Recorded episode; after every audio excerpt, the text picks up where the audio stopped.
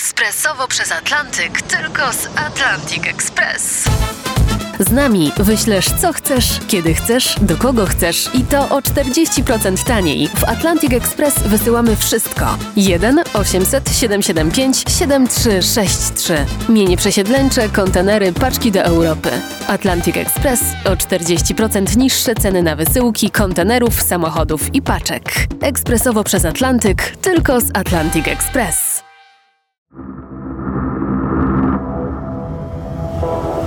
Misja specjalna w RMFFM. Tajemnice polskiego wywiadu 1939-1945. Odcinek pierwszy. Pakt z diabłem, czyli gorące lato 39 roku. Zaproszenie na urodziny Hansa Lemersa, szefa kancelarii Firera III Rzeszy, było dla podpułkownika Szymańskiego niemałym zaskoczeniem. W ostatnich miesiącach relacje między polską ambasadą i niemieckimi gospodarzami były tak złe, że ograniczały się tylko do kontaktów oficjalnych. To też podpułkownik Antoni Szymański, atasze wojskowy w Berlinie, wahał się iść czy nie. W końcu zdecydował się pójść. 27 maja 1939 roku, wieczorem, ubrany w mundur galowy oficera Wojska Polskiego Szymański wraz z małżonką Haliną zjawili się na przyjęciu.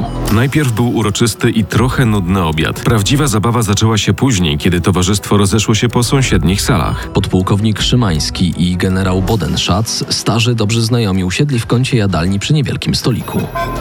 Mam panu do przekazania bardzo ważną informację. Proszę słuchać uważnie i zapamiętać.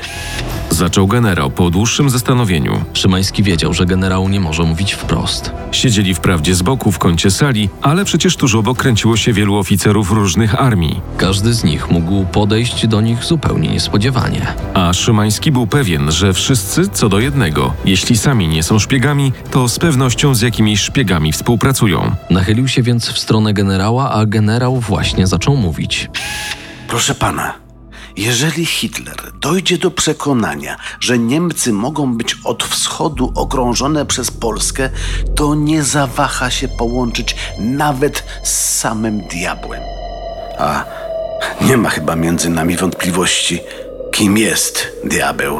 Szymański cenił generała Karla Bedenszaca. Bądź co bądź najbliższego współpracownika Geringa. To Bodenschatz uprzedzał nas w swoim czasie o najważniejszych poczynaniach niemieckich, jak zajęcie Nadrenii, Austrii czy Czechosłowacji. Czy zatem generał Bedenszac był polskim szpiegiem? Zdecydowanie nie. Dlaczego więc ostrzegał Polaków przed porozumieniem Hitlera i Stalina? Być może po prostu działał w interesie swojej ojczyzny. Informacje przekazane Szymańskiemu można uznać za działanie jak najbardziej zgodne z interesem Niemiec, lecz nie Rzeszy Hitlerowskiej. Generał należał do tych nielicznych wojskowych niemieckich, z którymi nie miałem kontrowersji przy omawianiu sytuacji polsko-niemieckiej.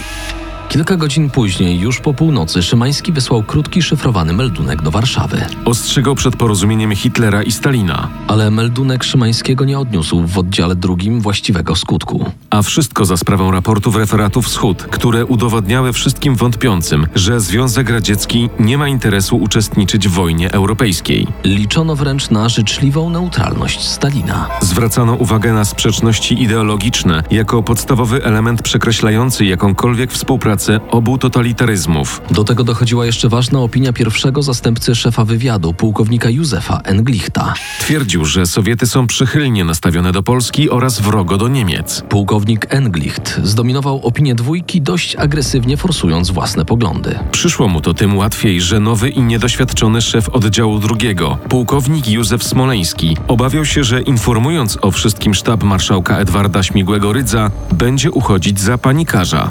Selekcjonował więc informacje, puszczając dalej tylko te niebudzące wielkiego niepokoju. W efekcie szef sztabu był gorzej poinformowany niż minister Józef Beck. Minister spraw zagranicznych Józef Beck miał swoją ministerialną sekcję wywiadu i to na podstawie tych materiałów zazwyczaj zapadały decyzje.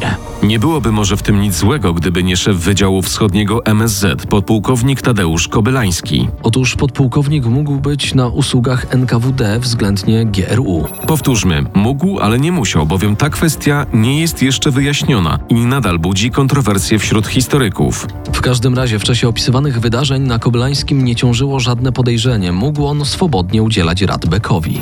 Czy to były jednak rady zgodne z interesem Polski? Kobylański zaliczał się do niewielkiego grona zaufanych osób ministra. Jeśli istotnie był agentem NKWD, to przed Stalinem nie miała tajemnic polityka zagraniczna ministra Beka. Warto policzyć. W Warszawie Stalin miał dwóch ważnych agentów. Prawdopodobnie Kobelańskiego i tym razem na pewno pracownika ambasady niemieckiej von Scheliche, W Londynie pracowali dla niego Keirm Cross i King. w Paryżu McLean. W Tokio Richard Zorge. A to tylko najważniejsi. Nie trudno zauważyć, że nie wymieniono tu Berlina. Nie szkodzi. Zamiary Hitlera poznawał Stalin za pośrednictwem Warszawy i Tokio. Nie da się ukryć, że w przeciwieństwie do Polaków Stalin wiedział dobrze, co dzieje się na kontynencie. I postanowił z tej wiedzy wyciągnąć dla siebie maksymalną korzyść. Pewnego lipcowego wieczoru w berlińskiej restauracji Ewesta na spotkanie umówili się przedstawiciel Niemiec Sznure, ekspert do spraw wschodnich i Astachow, charge d'affaires radzieckiej ambasady. Restauracja Ewesta cieszyła się dobrą renomą. Schodziła się tu śmietanka towarzyska dyplomacji i biznesu. O popularności poniekąd decydowało położenie lokalu przy Wilhelmsplatz, w sąsiedztwie budynków ministerialnych. Obiady czy kolacje jakkolwiek przyrządzone z wykwintnym gustem sztuki kulinarnej były zaledwie przystawką do toczących się w zaciszu sal dyskusji. W środę wieczorem 26 lipca do restauracji wszedł Karl Sznura. Nie musiał długo czekać na gościa, którego zaprosił na kolację. A Stachow nie przyszedł sam, towarzyszył mu Jewgenij Babarin. Szef misji handlowej, a zapewne funkcjonariusz NKWD.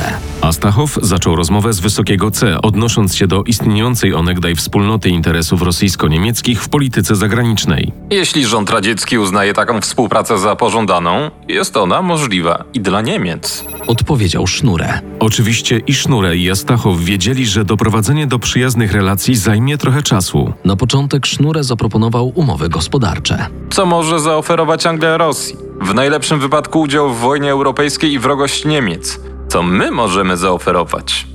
Neutralność i pozostanie z boku konfliktu europejskiego. Kolacja zakończyła się wielce obiecująco.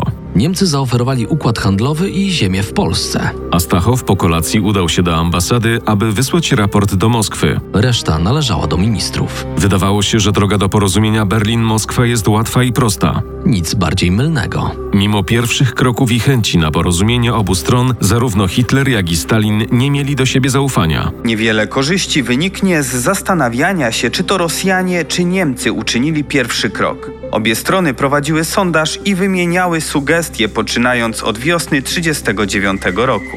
Zapisał w żywotach równoległych Hitlera i Stalina Alan Balog. Ale nieufność blokowała porozumienie tylko przez miesiąc. Wiadomość o rozmowie Karla Sznure i Astachowa, jak również o całej masie innych nieoficjalnych rozmów niemiecko-radzieckich, dotarła do brytyjskiego MI6 nazajutrz po fakcie. Agent o pseudonimie Baron zapisał w krótkim meldunku. Niemcy negocjują z Rosjanami tajną umowę o nieagresji. Gotowi są oddać Stalinowi połowę Polski. W zamian Związek Radziecki nie przystąpi do wojny.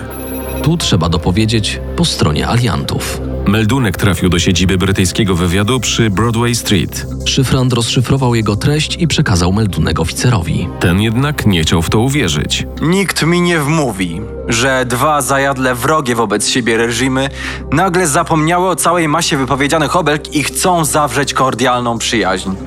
To jakaś bzdura. Dlatego ani on, ani nikt z MI6 nie przekazał tej informacji dalej. Do Ministerstwa Spraw Zagranicznych. Czyżby minister Henderson i premier Chamberlain nie wiedzieli, co dzieje się między Berlinem i Moskwą? Nie tak łatwo odpowiedzieć na to pytanie. Perspektywa porozumienia niemiecko-radzieckiego nadal wydawała się odległa. A premier Chamberlain postanowił jeszcze bardziej odsunąć ją w czasie. Zamierzał zostawić na Stalina pułapkę. Po wstępnych ustaleniach podjętych jeszcze wiosną do Związku Radzieckiego ruszyła delegacja. Zdecydowano się na podróż statkiem do Leningradu. Rejs trwał długie pięć dni. Anglicy nie traktują nas poważnie.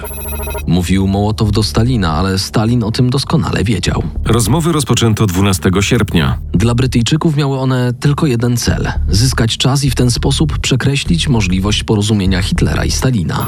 a Hitler musiał się spieszyć. Zależało mu na jak najszybszym porozumieniu, Rozpoczęcie wojny z Polską przewidywano na 26 sierpnia. chyba że tajne angielsko-niemieckie negocjacje zakończą się możliwym do przyjęcia zwycięstwem Hitlera. O czym myślał Führer? Otóż Horacy Wilson, pracownik brytyjskiego niemieckiego MSZ w imieniu swego szefa, premiera Chamberlaina, oferował wysłannikowi Geringa układ polityczno-gospodarczy. I zapewniał o zgodzie rządu jego królewskiej mości na przejęcie Gdańska przez III Rzeszę. Wreszcie 22 sierpnia światowe agencje informacyjne podały wiadomość, że Ribbentrop wybiera się do Moskwy. Po co? Zadawano sobie to pytanie od Warszawy po Paryż i Londyn. Odpowiedź nadeszła po dwóch dniach. W nocy z 23 na 24 sierpnia Niemcy i Rosjanie podpisali pakt o nieagresji. Mniej więcej w tym samym czasie sekretarz niemieckiej ambasady w Moskwie, Hans von Herwart, przywitał się ze swoim amerykańskim przyjacielem, dyplomatą Charlesem Bolenem.